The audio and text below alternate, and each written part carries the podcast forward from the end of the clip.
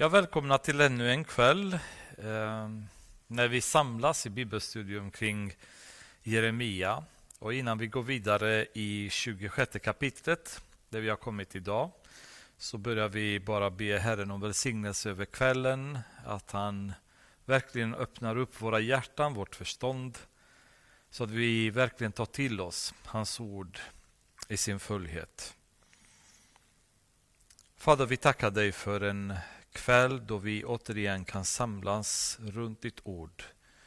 Vi tackar dig för att du är med oss, välsignar oss, guidar oss, Herre, genom det förstånd som vi behöver, Herre. Tack för att du hjälper oss att se rätt. Tack för att du låter vårt hjärta känna din röst och hjälp oss att kunna fördjupa oss ännu mer i dina tankar och det du har för oss ikväll. Låt ingenting störa vår koncentration. Låt inget kött komma i vägen för din heliga Ande, Herre. Utan låt oss bara få samlas kring det här underbara miraklet som är ditt ord. Som är alltid fullt av liv, alltid fullt av vägledning, alltid fullt av glädje. Vi kan aldrig öppna det och läsa det och stänga ordet utan att vi känner en förvandling i vårt kinne och vårt hjärta. Jag tackar dig för denna välsignelse och ber att du ska vara med oss och guida oss genom detta bibelstudium återigen. I Jesu namn. Amen. Så varsågoda och öppna Bibeln då till Jeremia 26 kapitlet. Och Tanken är att vi ska ta oss igenom både kapitel 26, 27 och 28. Så hoppas jag att ni orkar med och hänga med mig eh, hela vägen. Kapitel 26. Eh, hoppa tillbaka i tiden igen. Ni kommer ihåg att Jeremia är en bok som inte är kronologisk utan det blir hela tiden hopp fram och tillbaka i historien. Och Vi hoppar tillbaka nu från kapitel 26 hela vägen till kapitel 7.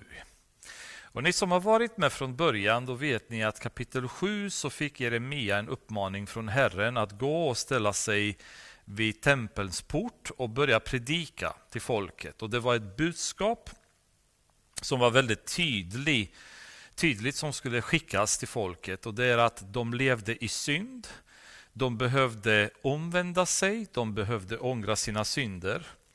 Profeterna och prästerna var de som var huvudansvariga för att ha misslett folket och eh, lett dem in i ett syndigt levande eh, i avgudadyrkan och ehm, en tillvaro helt enkelt som inte var baserad på Guds ord längre. Och essensen av det budskapet som Jeremia var, var att det finns ingen trygghet och ingen säkerhet utanför Gud. Enda sättet för dem att känna sig trygga och uppleva säkerhet, det var att följa Guds bud. Eh, och på den tiden så hade fortfarande inte babyloniska invasionen inträffat. Så eh, det var i början av Jeremias karriär när han började profetera. Och Redan då så hade han varnat för den fara som kommer att komma. Det kommer att bli en eh, ockupation av landet, det kommer bli straff, det kommer bli elände, svält, sjukdomar, död.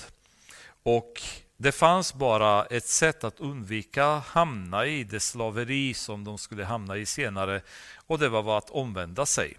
Så det var ett budskap som var väldigt tydligt. Sök ingen säkerhet, sök ingen trygghet utanför Guds ord. Det finns ingenting att få.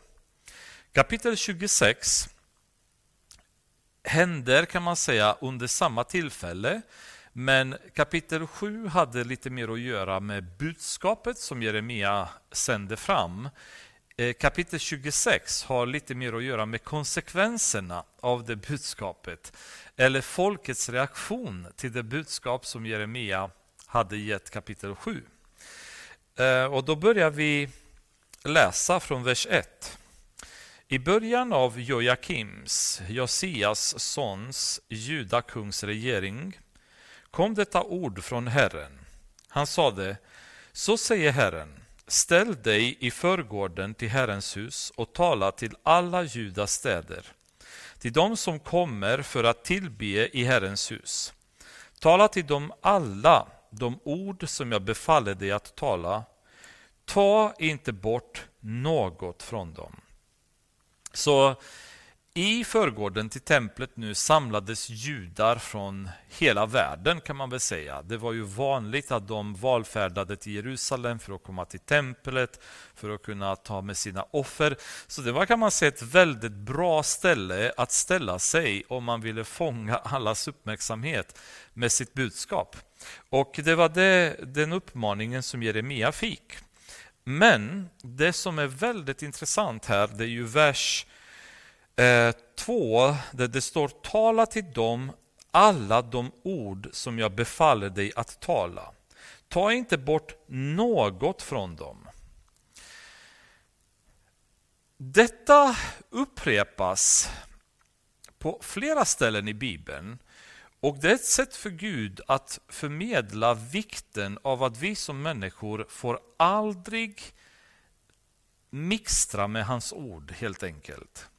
Vare sig med det skrivna ordet som finns i Bibeln, när vi predikar Guds ord, så är det oerhört viktigt att vi håller oss till Guds ord.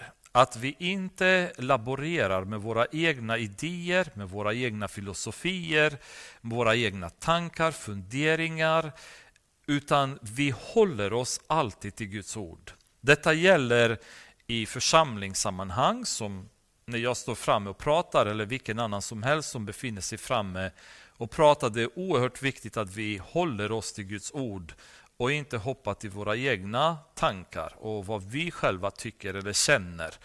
Eh, men också i vår relation till varandra. När vi har diskussioner med varandra, när vi har konflikter med varandra, när vi har beslut att fatta, så måste vi permanent gå tillbaka och tänka vad säger Guds ord och inte mixtra med budskapet. När vi adresserar världen Eh, i individuella kontakter eller mer offentliga om vi pratar någonstans där flera människor får höra så är det väldigt viktigt att vi går till Guds ord. Det, i, I liberal kristendom så är det väldigt vanligt att man eliminerar delar av Guds ord som många anser att inte eh, ska vara aktuella längre. Alltså delar av Guds ord som man ser som har tillhört en forn period, men numera så gäller de inte längre. När man börjar göra det, då lever man väldigt farligt. Därför att det är inte vår uppgift att mixtra med Guds ord, att plocka delar av Guds ord och på något sätt få för oss att de här delarna gäller inte idag. Utan Guds ord måste se seriöst och um, analyseras på ett seriöst sätt och också i mycket gemenskap med heliganden som ger oss inspiration till att förstå ordet.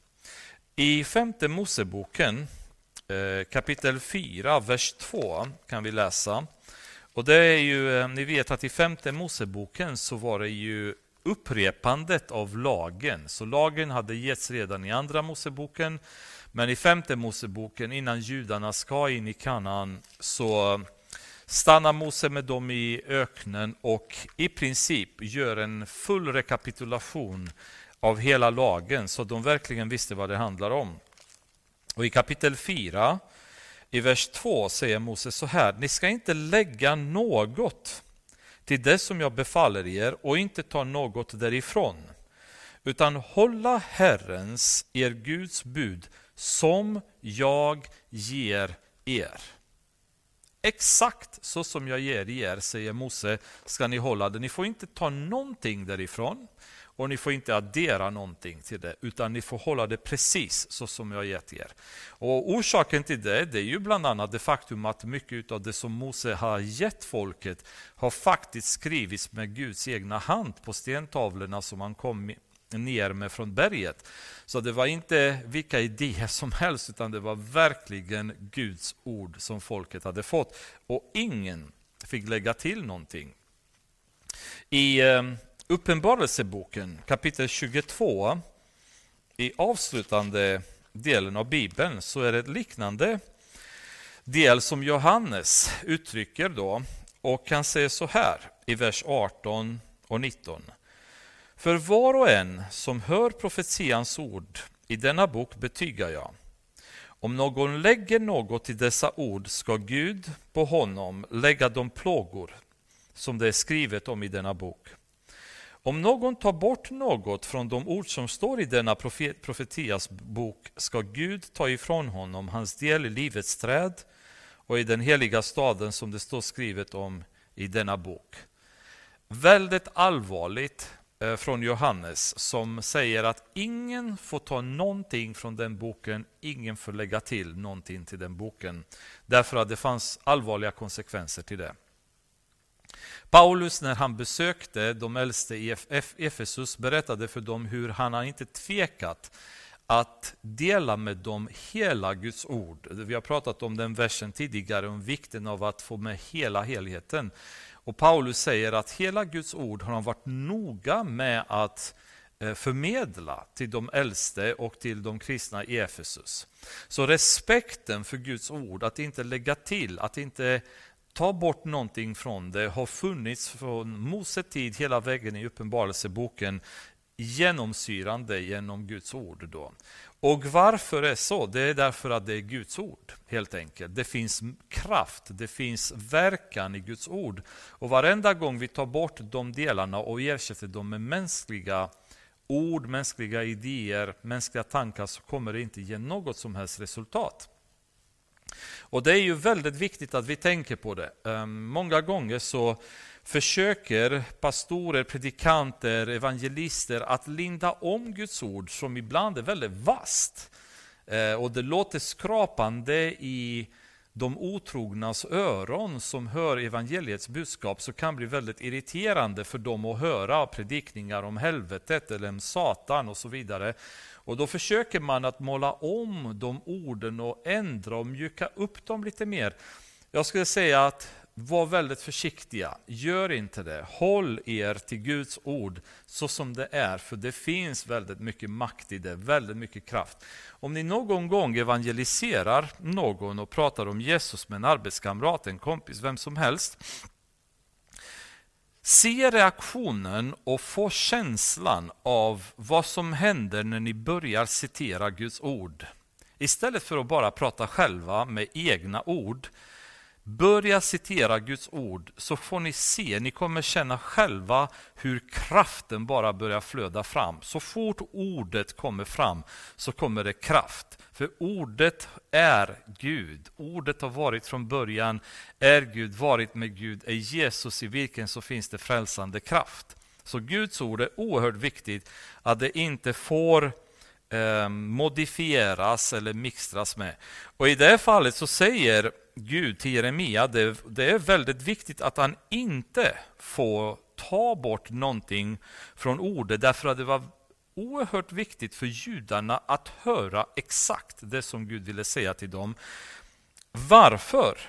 Vers 3 ger svaret. Kanske skall de då höra och vända om, var och en från sin onda väg då ska jag ångra det onda som jag har i sinnet att göra med dem på grund av deras onda gärningar. Det är därför Gud ville att Jeremia skulle vara väldigt klar i budskapet. Därför att Gud ville inte straffa dem. Och han ville verkligen att de förstod allvaret i det hela, omvände sig och Gud slapp behöva straffa dem. Det som är jättehärligt det är om man stannar vid ordet ångra. Eh, går man till hebreiska så är det ett ord som heter naham. Och ordet har flera betydelser. Eh, men ett av de, en av de vanligaste betydelserna för naham är att sucka, att pusta ut. Och sätter man det i, i sammanhang så blir det en väldigt väldigt vacker beskrivning av vad Gud egentligen innerst inne kände för judarna. Han ser den nivån där de har sjunkit, han ser synden i deras liv, han ser var de finns. Och han vill så gärna inte behöva straffa dem. Han vill så gärna att de ångrar sig. I vilket fall då suckar Gud. Det är ungefär som att, oh, vad skönt, jag slapp behöva bestraffa dem den här gången. Det är exakt den känslan av kärlek och, och omsorg som Gud för fram genom detta. Han bara, ah, vad skönt att slippa. Vad skönt att inte behöva straffa dem. Vad skönt att de har själva insett synden och vänt om till mig från sin synd. I Hesekiel kapitel 18, vers 23 så säger Gud så här. Skulle jag finna någon glädje i den ogudaktiges död, säger Herren, Herren. Ehm, ni ser många gånger i Bibeln att det, det, kan stå, i alla fall i min bibel så står det oftast Herren, Herren. Och det låter lite grann som ett upprepande. Men egentligen så på hebreiska så används det två ord och i det fallet så är det första ordet Adonai och andra ordet Jahovi, eller som en, en böjning av Jahwe eller Jehova då. Och det är därför det står Herren, Herren. Så på hebreiska egentligen så säger man, skulle jag finna någon glädje i den ogudaktiges död, säger Adonai Jehova. Då blir det samma, inte samma upprepning. Nej, jag vill att han vänder om från sin väg och leva. Gud vill att syndaren ska vända om. Han finner ingen glädje. Han säger, skulle jag finna någon glädje i den ogudaktiges död? Nej, säger Gud, jag vill att han ska vända om. I Hesekiel 33 kapitlet, vers 11, så säger Gud igen, svara dem så sant jag lever, säger Herren, Herren, jag glädjer mig inte åt den ogudaktiges död. Istället vill jag att den ogudaktige vänder om från sin väg och får leva. Vänd om! Och nu upprepar han igen. Vänd om! Två gånger. Vänd om! Vänd om från era onda vägar inte vill ni väl dö, ni av Israels hus? Alltså förstår ni vilken vädjan från Gud? Vänd om, vänd om, inte vill ni väl dö? Inte vill ni väl dö, frågar Gud. Och, och han bara har den här längtan över att ah, de har vänt om. Det glädjer honom.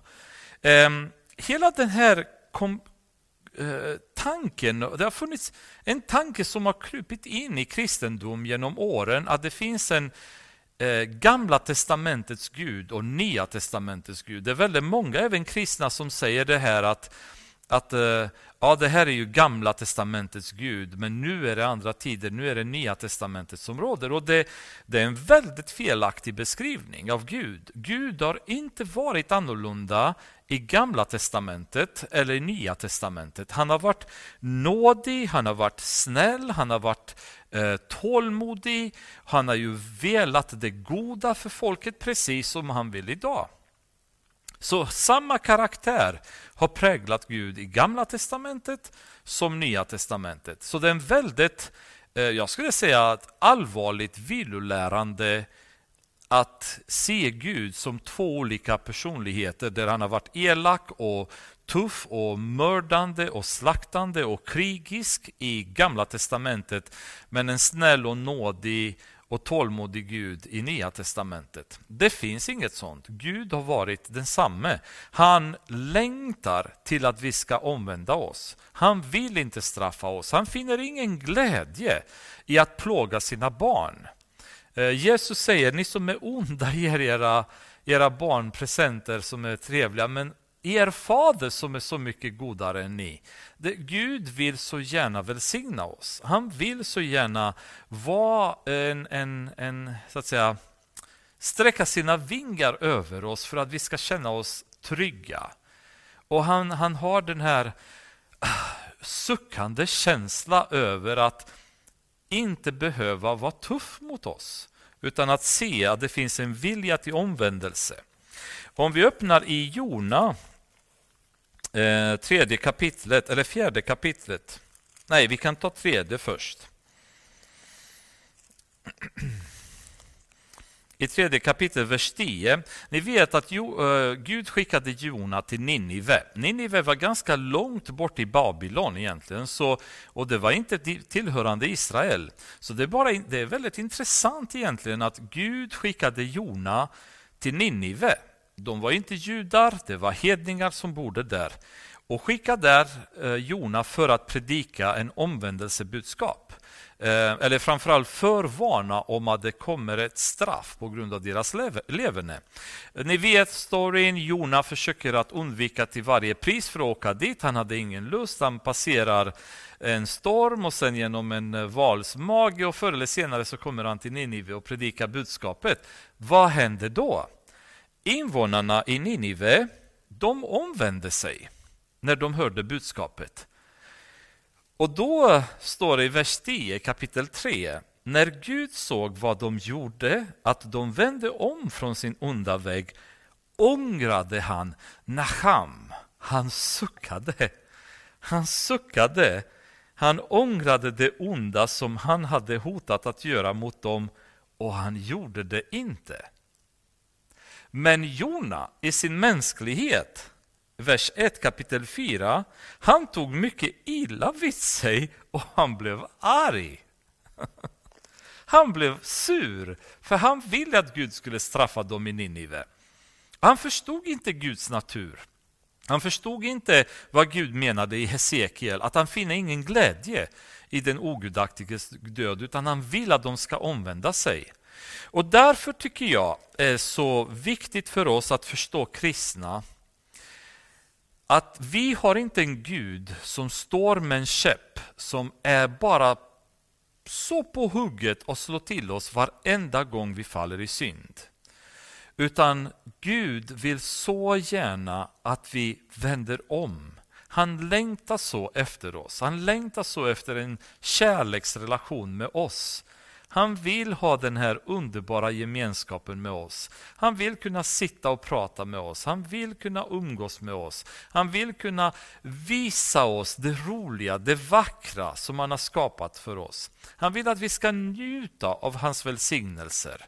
Han vill stödja oss i, i vartenda steg vi tar. Han ser ingen glädje att vi går genom svårigheter och plågor så länge man inte vet att det, han gör det för att göra oss bättre, för att förändra oss till det goda, för att ta bort eh, föroreningar ur våra liv och på så vis att vi ska slippa gå igenom vissa straff eller konsekvenser av synd. Ni kommer ihåg bibelstudierna tidigare att varje synd vi begår har en konsekvens. Och Gud är ute efter att, att hjälpa oss att undvika de situationerna utan han vill uppleva den här suckandet. Att åh vad skönt, mina barn håller sig på rätt väg.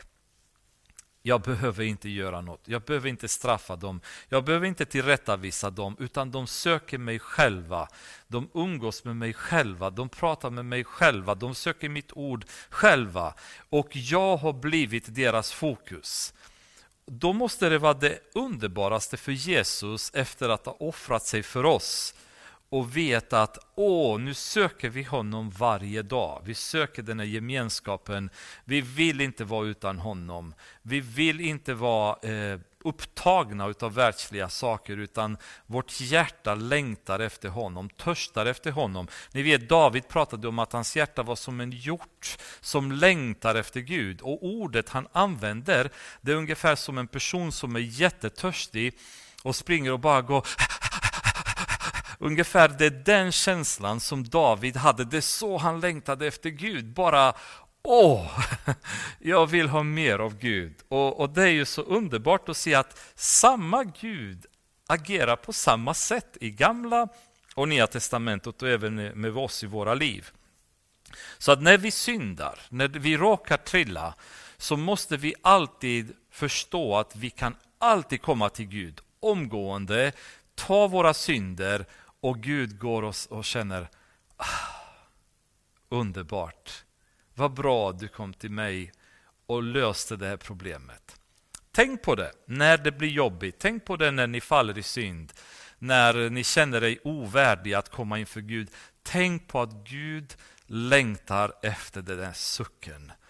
Oh, vad skönt. Skönt att du har kommit till mig.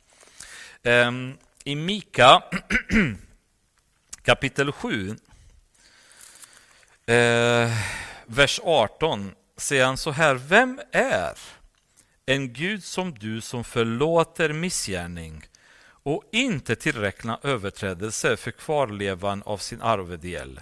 Han håller inte fast vid sin vrede för evigt, ty han har behag till nåd.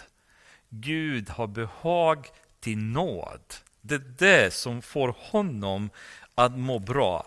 Och Mika säger, vem är en Gud som du? Och det här är ju en väldigt intressant fråga. Vem är en Gud som vår Gud? Vilken annan Gud i världen är som vår Gud? Som är så tålmodig, så kärleksfull, så tillåtande, så hjälpsam. Alltså tittar man på de falska gudarna som människorna tillber, alla dessa gudar är skapade av människan. Och därmed så har alla dessa gudar människans karaktäristiska drag. De är själviska, de är arga, de är krigiska, de är eh, sexuellt perverterade många gånger. Eh, de är oförlåtande, de, är, de gillar drickenskap. Tänk bara asatron där gudarna super och de har eh, jätteroligt i Valhalla. Därför att detta var en spegelbild av vikingarnas leverne. Så varje falska gudar som människorna har satt upp representerar deras karaktär, deras personlighet, deras sätt att vara. Och därför är Mikas fråga väldigt enkelt att besvara. Det finns ingen Gud som vår Gud. Gud i kristendomen är den enda guden som är förlåtande, som är uppoffrande för oss, som är tålmodig, som är genomkärleksfull och som finner behag i nåd jämfört med de hedniska gudarna som älskar att straffa folket hela tiden med blixtar och dunder och vågor och allt möjligt. Vår Gud finner behag i nåd, att slippa behöva straffa oss. För han finner ingen som helst glädje i den ogudaktiges död, utan han säger vänd om, vänd om, inte vill du väl dö. Vilken underbar vädjan från Gud som bara säger så mycket om hans hjärta gentemot oss. Och, och vi bör ha den, det hjärtat gentemot honom också, tycker jag. Kanske ska de då höra och vända om var och en från sin onda väg. Då ska jag ångra det onda som jag har i sinnet att göra med dem på grund av deras onda gärningar. Du ska säga till dem, så säger Herren, om inte ni vill lyssna till mig och vandra efter den lag som jag har förelagt er och höra vad mina tjänare profeterna talar, de som jag sänder er, ja, som jag gång på gång har sänt till er, fastän ni inte har lyssnat, då ska jag göra med detta hus som jag gjorde med Silo. Och denna stad ska jag göra till en förbannelse för alla jordens folk. Um, Silo var tidigare, ehm, kan man säga, huvudstaden i Israel. Det var där Josua i Josua 18 kapitlet vers 1 hade satt upp uppenbarelsetältet. Eh, och det är där de samlades oftast för att bestämma saker. När Samuel i Samuel eh, 3 kapitel vers 21 inledde sitt arbete kan man säga som domare så flyttade han till Silo som var då eh, centrum då för nationen.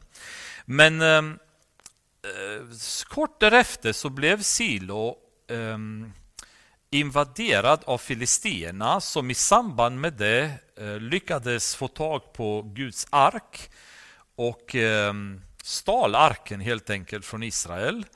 Och Man tror att i samband med det anfallet eh, som var striden vid Ben Haiser så har filistierna eh, förstört Silo. Och eh, Silo har varit förstört i många, många år. Senare på något sätt så byggdes det om och det har i alla fall genomgått ett ganska tragiskt öde. Och Jeremia har refererat till Silo ursäkta, även i kapitel 7. Eh, och nu gör han det igen i kapitel 26 och säger precis som har hänt med Silo. Eh, som har varit centrum för det moraliska landet. Det har varit centrum för Gud med tältet som var där. Det var Guds eh, kraft så att säga.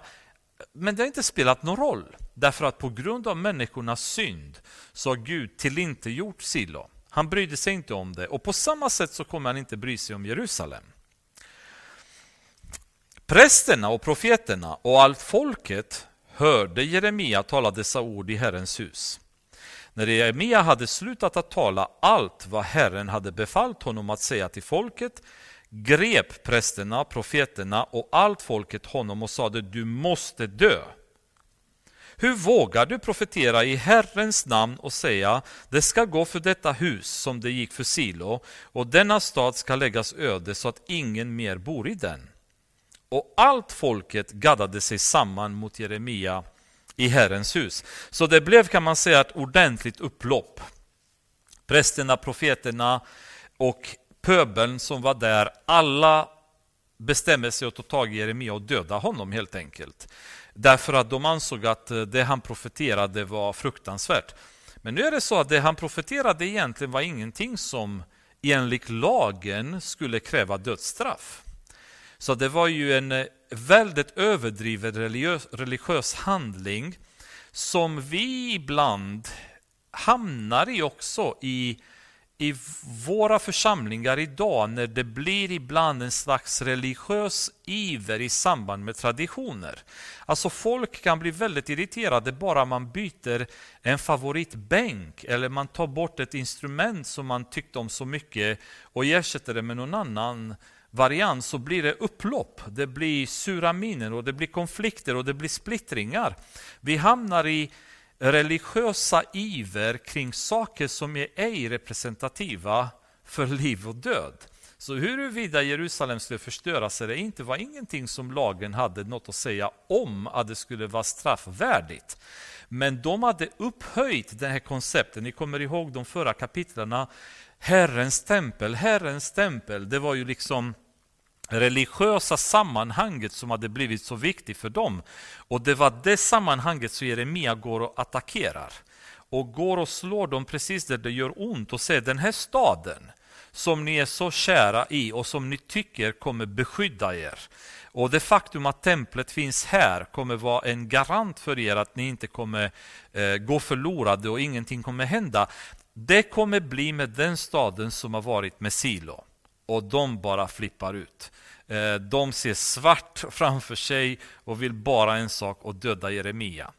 Eh, låt oss vara försiktiga med de beteendena eh, ibland oss, så att vi inte börjar slakta varandra och, och ge oss på varandra på grund av att någon har satt fel blomma i kyrkan eller målat om en vägg på en annan en annan färg än vi hade hoppats på eller tyckt om eller sådana saker. Livsfarligt för församlingar. Och, eh, ni som har varit med länge, ni kan säkert komma ihåg saker som har inträffat här i kyrkan. Jag minns i andra församlingar som jag varit med och alltså det kunde bli blodiga strider över saker som var fullständigt meningslösa. Och folk kunde inte låta bli. Så eh, samma situation här, de är väldigt arga, väldigt aggressiva Eh, egentligen utan någon som helst anledning.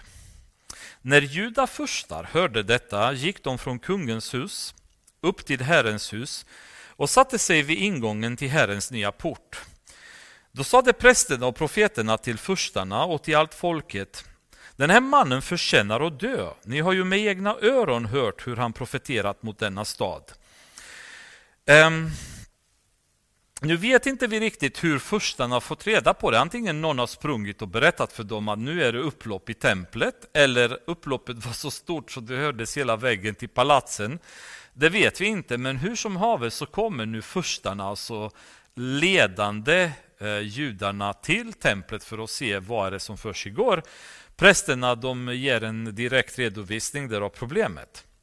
Men Jeremia svarade alla furstarna och allt folket Herren har sänt mig att profetera mot detta hus och denna stad allt det som ni har hört. Ändra nu ert liv och era gärningar och hör Herrens, er Guds röst. Då kommer Herren att ångra det onda han har talat mot er. Ibland så tycker folk att Gud är hemsk. Han tillåter människor att dö, han tillåter små barn att bli sjuka, han tillåter krig, han tillåter svält. Och hur kan Gud vara sån? Vill man att han inte ska vara så, då får man omvända sig. Då får man omvända sig från sin synd. Att världen upplever den tragedi som vi upplever idag, det är på grund av vår synd. Föroreningarna i världen, det är inte Gud som har skapat. Krigen i världen är inte Gud som har startat. Eh, själviskheten och girigheten i världen som driver folk till fattigdom är inte Gud som har skapat. Så varför anklagar vi honom?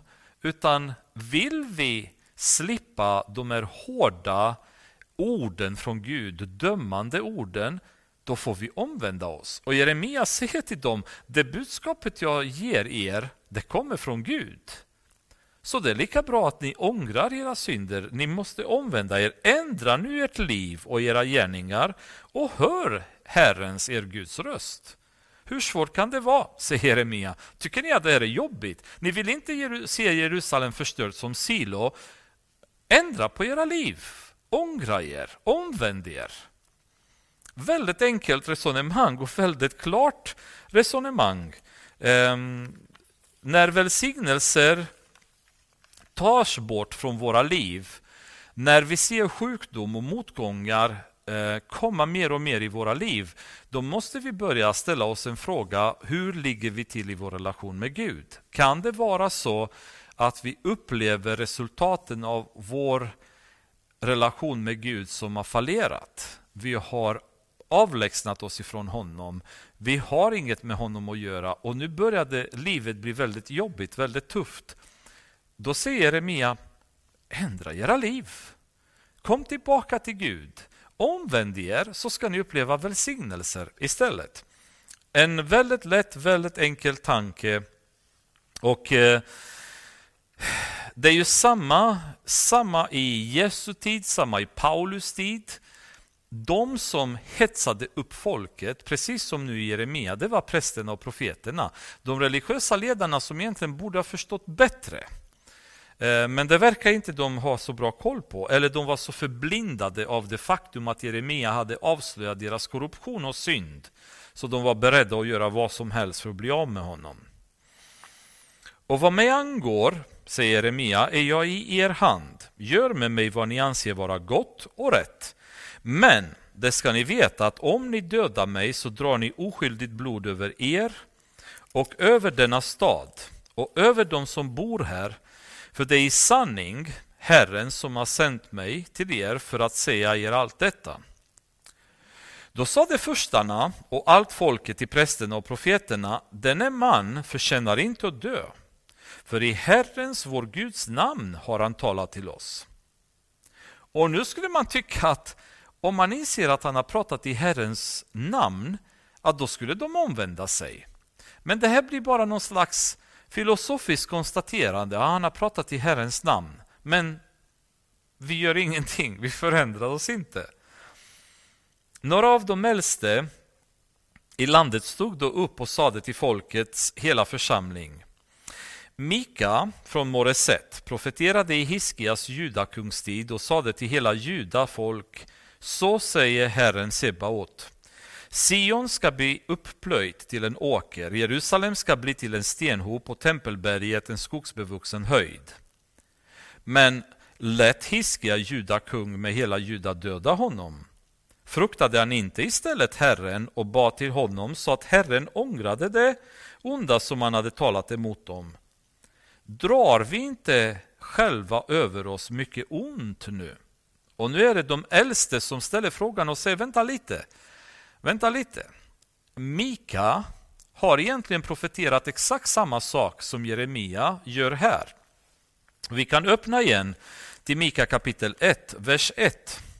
För det är ju profeten Mika som det pratas om och det står där presentationen Herrens ord till morasiten Mika vid den, vid den tid då Jotam, Ahas och Hiskia var kung i Juda. Så han var ju från Moreset, han profeterade under bland annat Jotam, Ahas och Hiskia som nämns här då, eh, utav de äldste. Och vad sa han? Han sa kapitel 3, vers 9-12 så här. Hör då detta, ni hövdingar över Jakobs hus, ni förstar över Israels hus. Ni avskyr det som är rätt och allt som är rakt gör ni krokigt. Ni bygger upp Sion med blod och Jerusalem med ondska. Stadens hövdingar dömer med mutor. Prästernas undervisar för betalning och profeternas spår för pengar. Ändå stödjer de sig på Herren och säger Är inte Herren mitt ibland oss? Olika ska inte drabba oss. Därför ska Sion för er skull plöjas upp till en åker, Jerusalem bli en stenhop och tempelberget en skogsbevuxen höjd. Så vad de äldste säger här är att Mika för ungefär hundra år tidigare har profeterat exakt det som Jeremia profeterar nu. Vid den här tiden dessutom var Mika en aktad profet som vi ser till och med här. De kunde hans profetier, de kunde citera hans skrifter. Och de säger att, vänta lite, det är ingen som har dödat Mika för det, utan snarare är det så att nu respekterar vi kanske till och med honom. Kung Hiskia lyssnade på honom och folket lyssnade på honom och de omvände sig och blev förlåtna utav Gud. Så är det inte kanske så att Jeremia har rätt i det han säger kommer äldste kan man säga med fråga. Och det är intressant att det är de äldste, det vill säga de bland furstarna som inte var religiösa, som egentligen hade bättre koll på skrifterna än vad profeterna och prästerna hade som har blivit så genomkorrupta i Baaldyrka och allting så det fanns inte längre i deras liv. Mycket märkligt, men de religiösa bitarna fanns ju kvar. Men kunskapen om Guds ord var borta. Den fanns inte längre där. Så nu säger de, ni får vara försiktiga för det är kanske så att vi drar över oss mycket ont.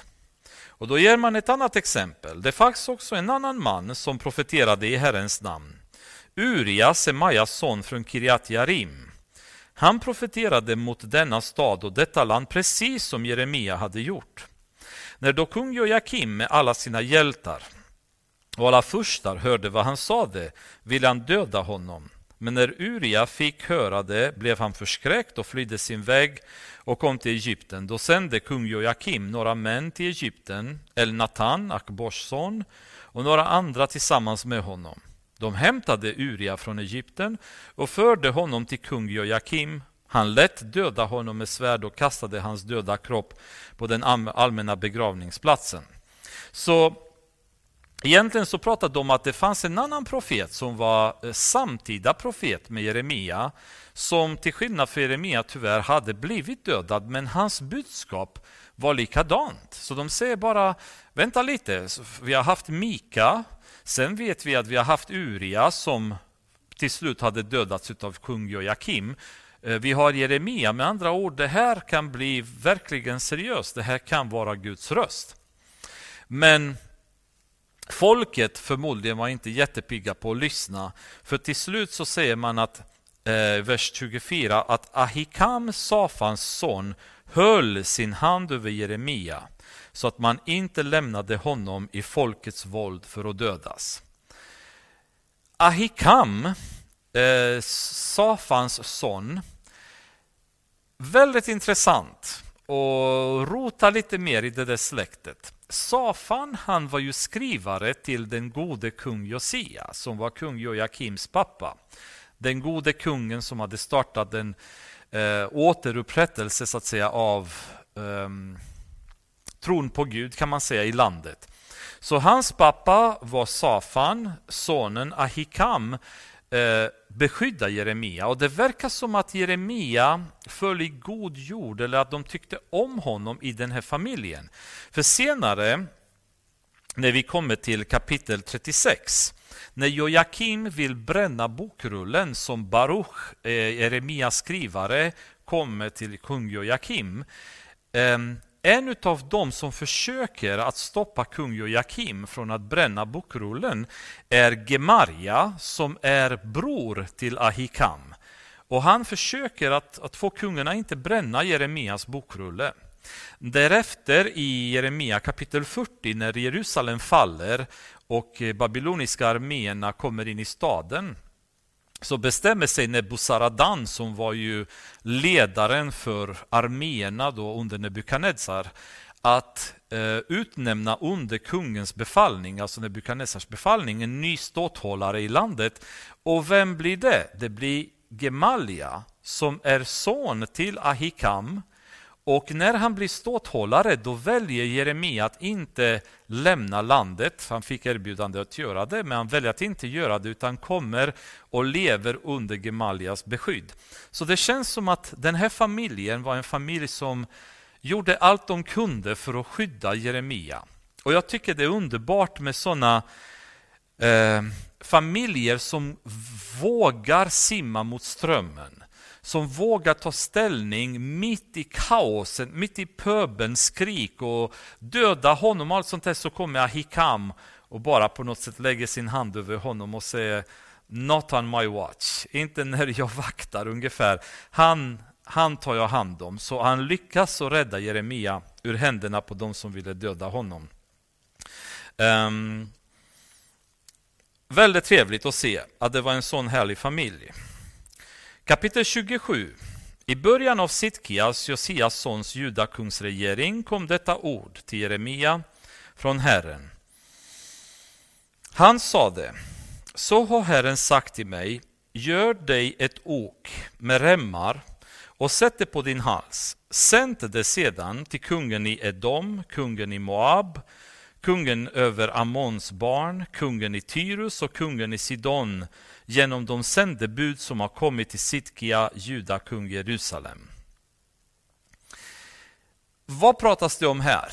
Eh, ungefär år 596 till 594 före Kristus. Nebukadnessar får problem i Babylon.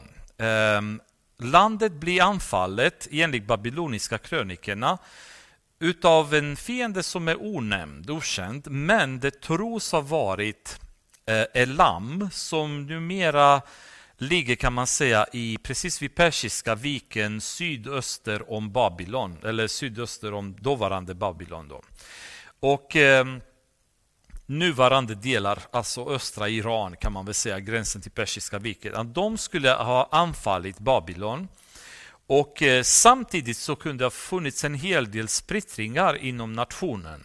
Så det var en väldigt orolig tid för Nebukadnessar eh, mellan 596 594.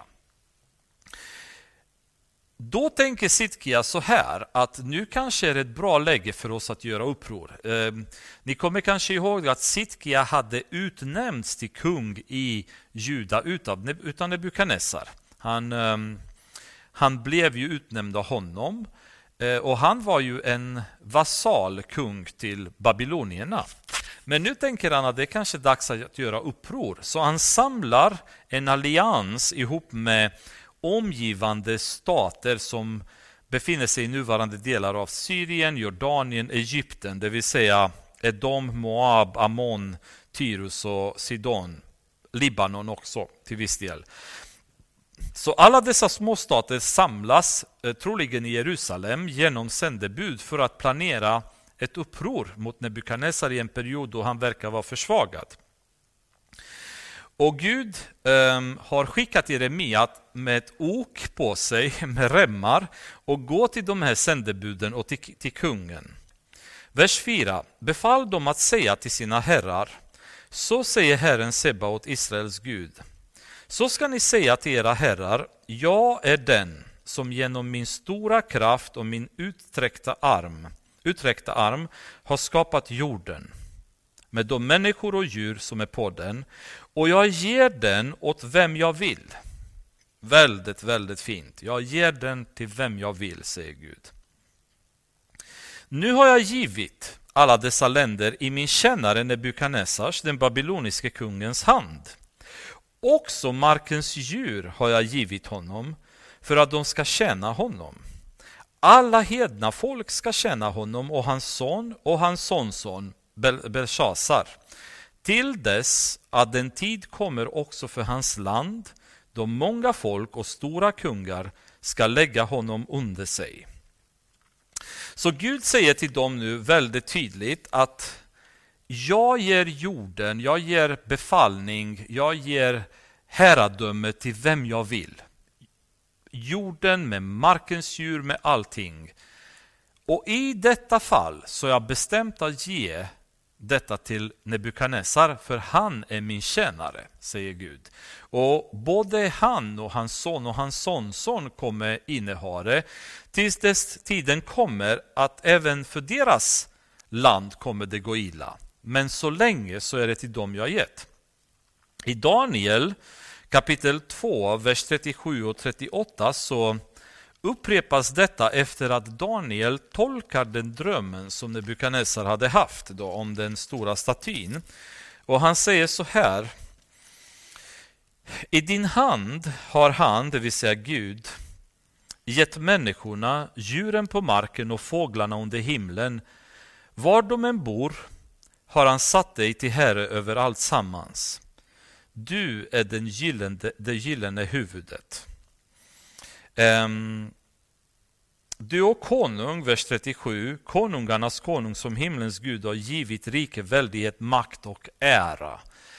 Så Gud hade gett en total dominans, en total auktoritet och det upprepas flera gånger att det inte bara över riken utan även över markens djur, över fåglarna. Alltså den enorma makt som Nebukadnessar hade fått var överallt och Gud hade gett honom det.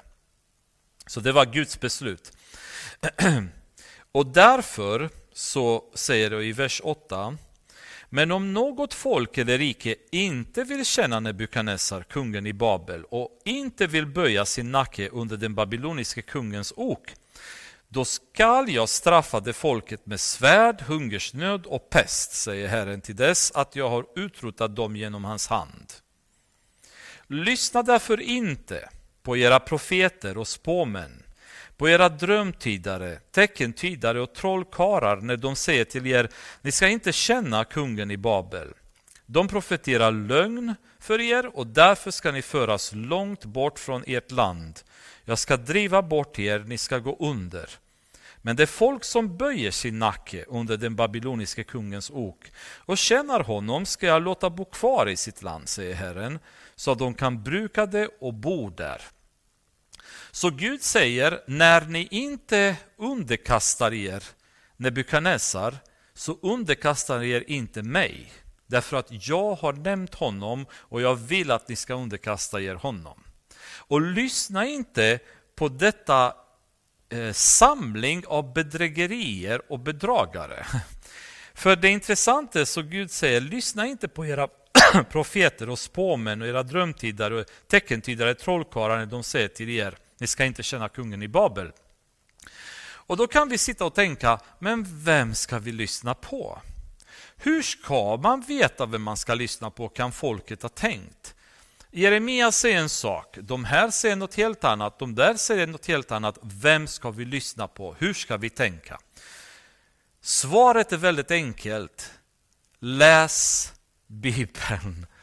Om de hade Eh, haft bra koll på vad Mose hade sagt i femte Moseboken kapitel 18 så hade det varit väldigt, väldigt enkelt för dem. Men det hade de förmodligen inte koll, eller struntat i att lyssna på det. För hör vad det står där. Femte Moseboken 18, vers 9.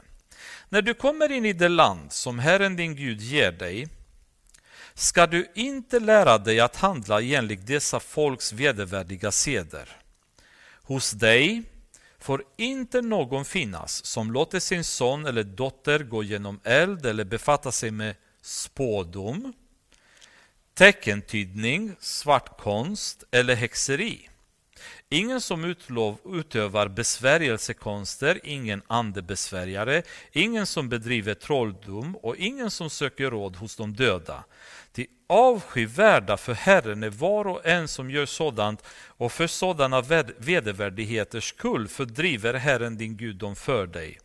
Du ska vara fullkomlig inför Herren din Gud.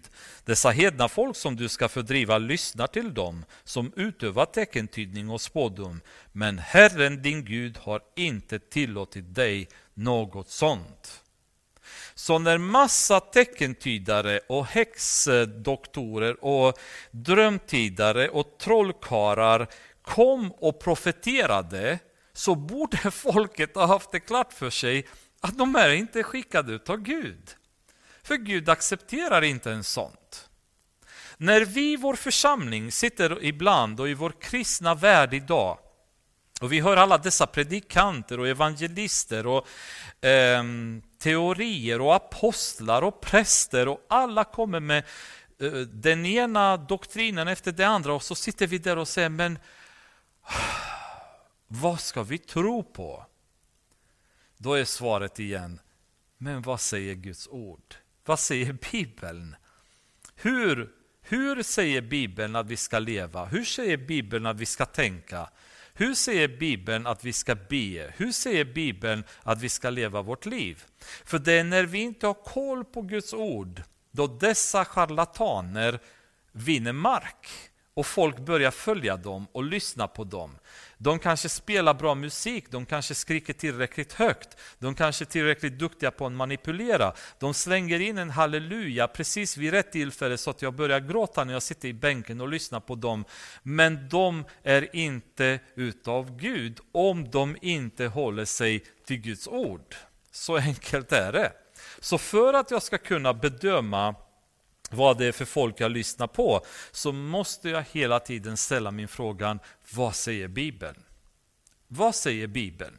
I Apostlagärningarna kapitel 17, det är ju eh, säkert många av er känner till sammanhanget, så var Paulus iväg och predikade och i vers 10 så står det så här. Redan samma, dag, samma natt skickade bröderna iväg Paulus och Silas till Berea. Så snart de kom dit gick de till judarnas synagoga. Judarna där var mer öppna än de i Thessalonika. De tog emot ordet med all villighet och forskade dagligen i skrifterna för att se om de kunde förhålla sig så. Och det var Paulus och Silas som var där, inte vem som helst. Ändå så gick de hem och forskade i skrifterna för att se om de kunde förhålla sig så som Paulus och Silas hade predikat. I första Johannes ehm, kapitel 2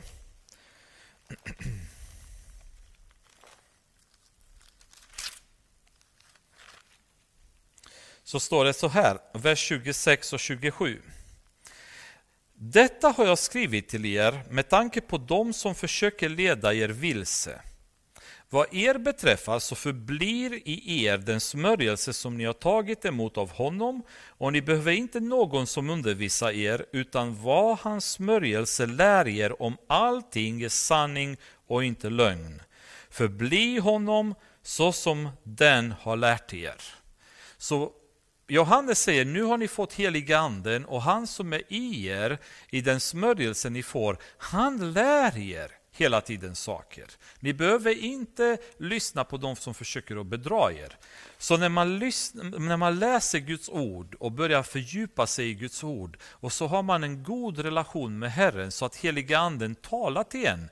Till slut så är det urenkelt att lyssna och bara direkt fånga bedragarna från det äkta varan. De som verkligen predikar Guds ord och de som är förfalskare av Guds ord. De som predikar sig själva, sina egna idéer, manipulerar vad som helst.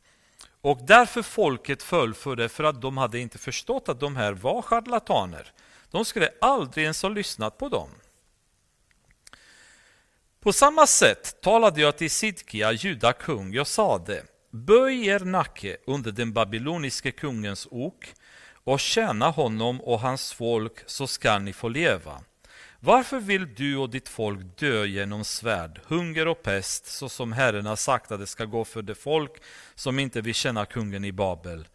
Hör alltså inte på de profeter som säger till er, ni ska inte tjäna kungen i Babel, till de profeterar lögn för er. Jag har inte sänt dem, säger Herren. De profeterar lögn i mitt namn och därför måste jag driva bort er så att ni går under tillsammans med de profeter som profeterar för er. Till prästerna och till hela detta folk talade jag och sade, så säger Herren, lyssna inte på era profeters ord när de profeterar för er och säger, Se, de kärl som hör till Herrens hus ska nu snart föras tillbaka från Babel, ty de profeterar lögn för er. Hör inte på dem, utan tjäna kungen i Babel, så ska ni få leva. Varför ska denna stad bli en ödestad?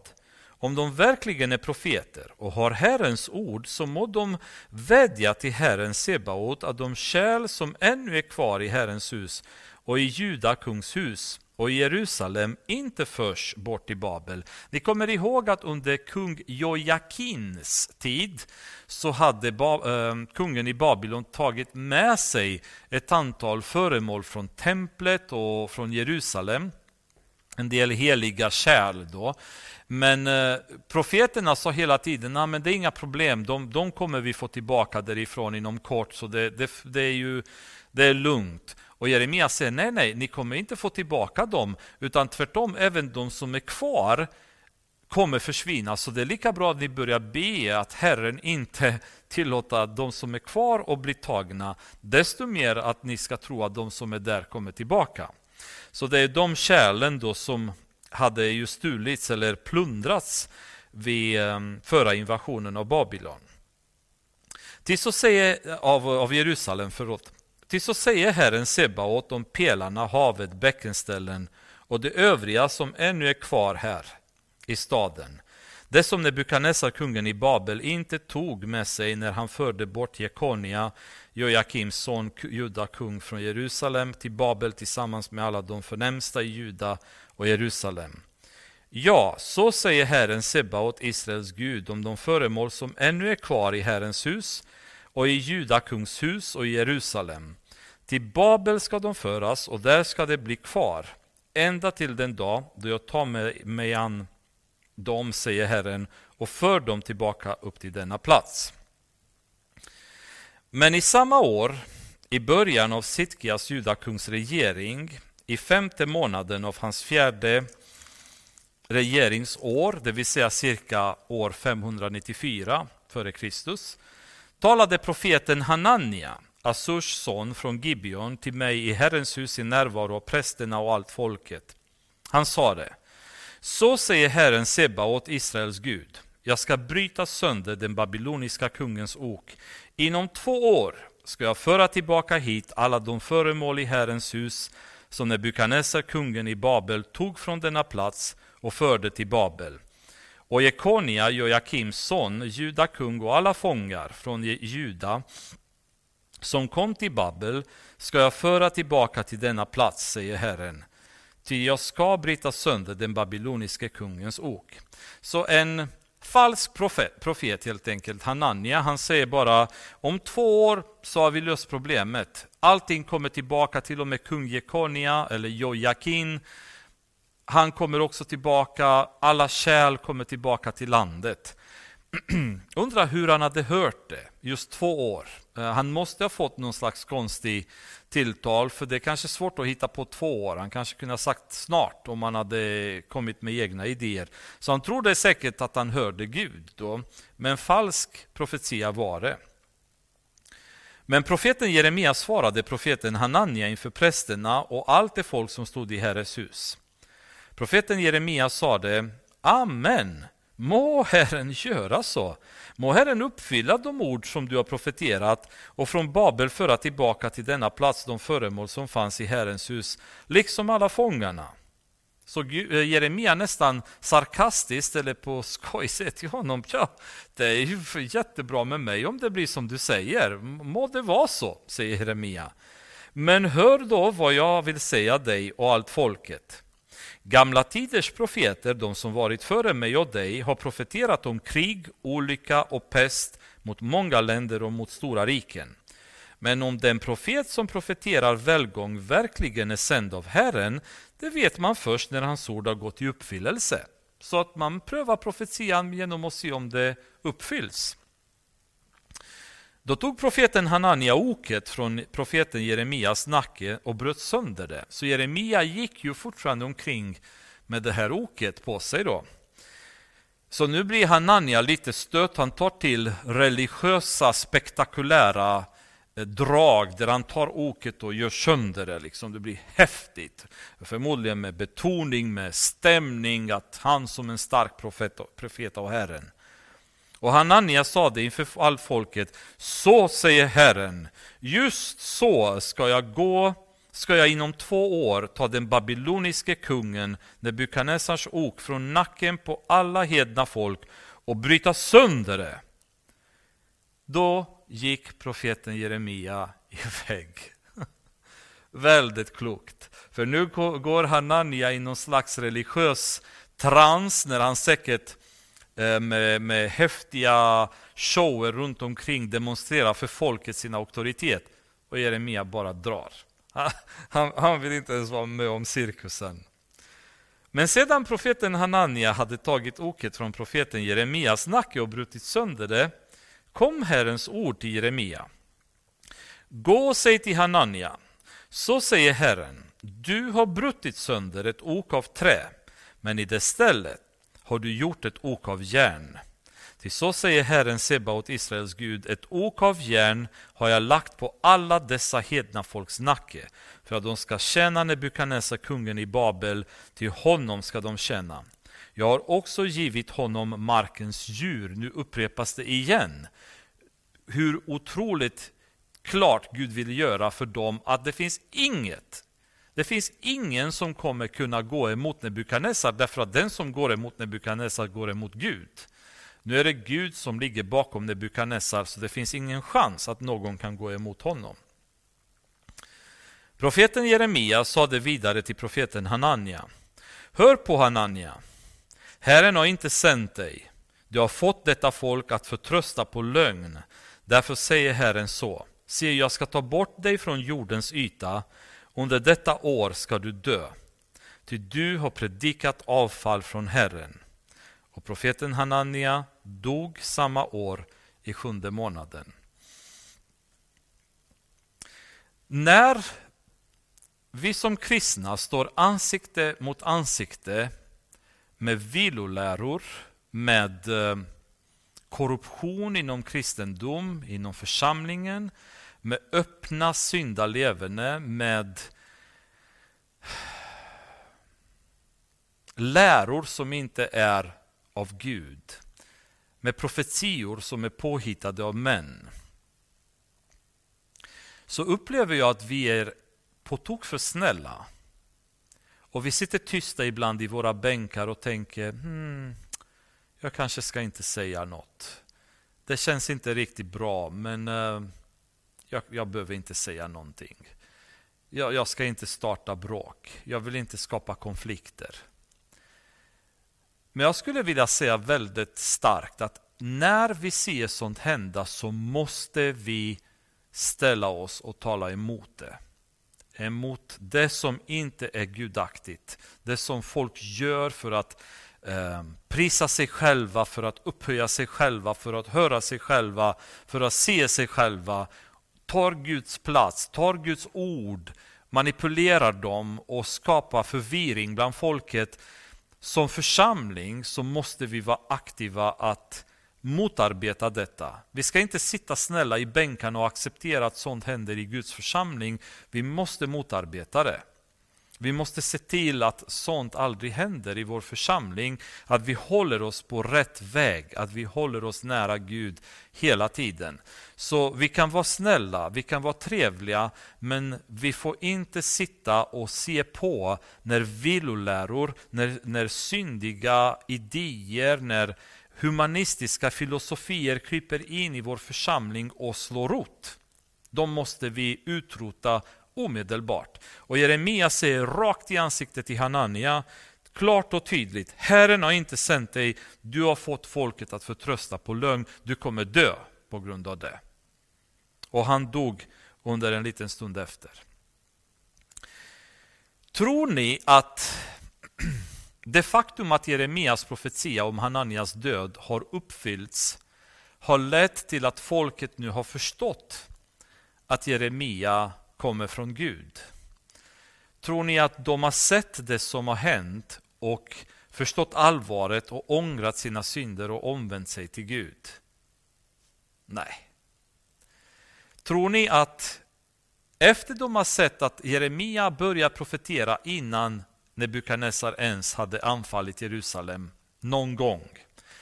Nu befinner vi oss år 594, vilket är ungefär Ehm, tre år efter andra plundringen av Jerusalem. Först 605, 597, nu är vi 94. De två gångerna som har varit innan borde redan då ha varit en väckarklocka för folket, för Jeremia började profetera innan 605 om vad som skulle hända. Då borde folket ha förstått att oj, Jeremia haft rätt. 605 kom. De som inte har ångrat sig 605 borde ha förstått efter 597 att Jeremia haft rätt. Han var en profet från Gud. De som ser att Hanania har dött som resultat av Jeremias profetia borde ha förstått nu också. Men nej.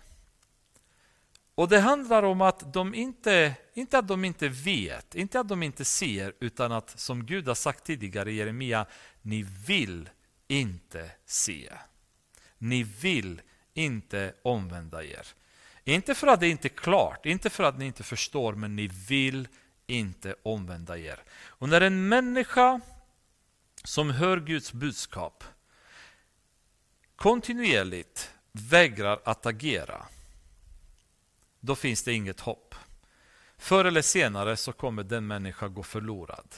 En människa som konstant ignorerar Gud vill inte, vill inte, trots att man ser, trots att man förstår, men man vill inte.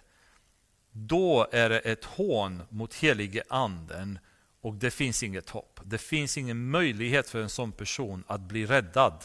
Därför att den personen vill inte. Vad Gud söker däremot är de människor som när de hör hans röst omvänder sig och Gud bara ah, suckar och tar emot dem och älskar dem. Jag hoppas att det var en eh, kväll där ni har fått ännu mer kunskap om Jeremia och sammanhanget som han befann sig i och eh, någonting som kunde ha tagit rot i ert hjärta och kunna växa därifrån. Så hoppas att Gud ska välsigna er och ge er styrka genom veckan som kommer. Ge er möjlighet att hantera allting som ni går igenom. Och Fader, jag vill bara be i Jesu namn att du välsignar var och en som har lyssnat på det bibelstudiet. Välsigna dem med din heliga Ande, välsigna dem med din styrka, välsigna dem med din kärlek, med din nåd. Åh Herre Jesus, låt oss bara få känna den här kärleken som kommer från dig till oss. Som passerar vårt förstånd, vår möjlighet att rationalisera. Bara skölj över oss, Herre Jesus, med den kärlek som du har för oss. Så att vi får en känsla av ditt hjärta och kunna älska så som du gör. Tack för de här underbara orden. I ditt underbara namn ber vi, Herre. Amen.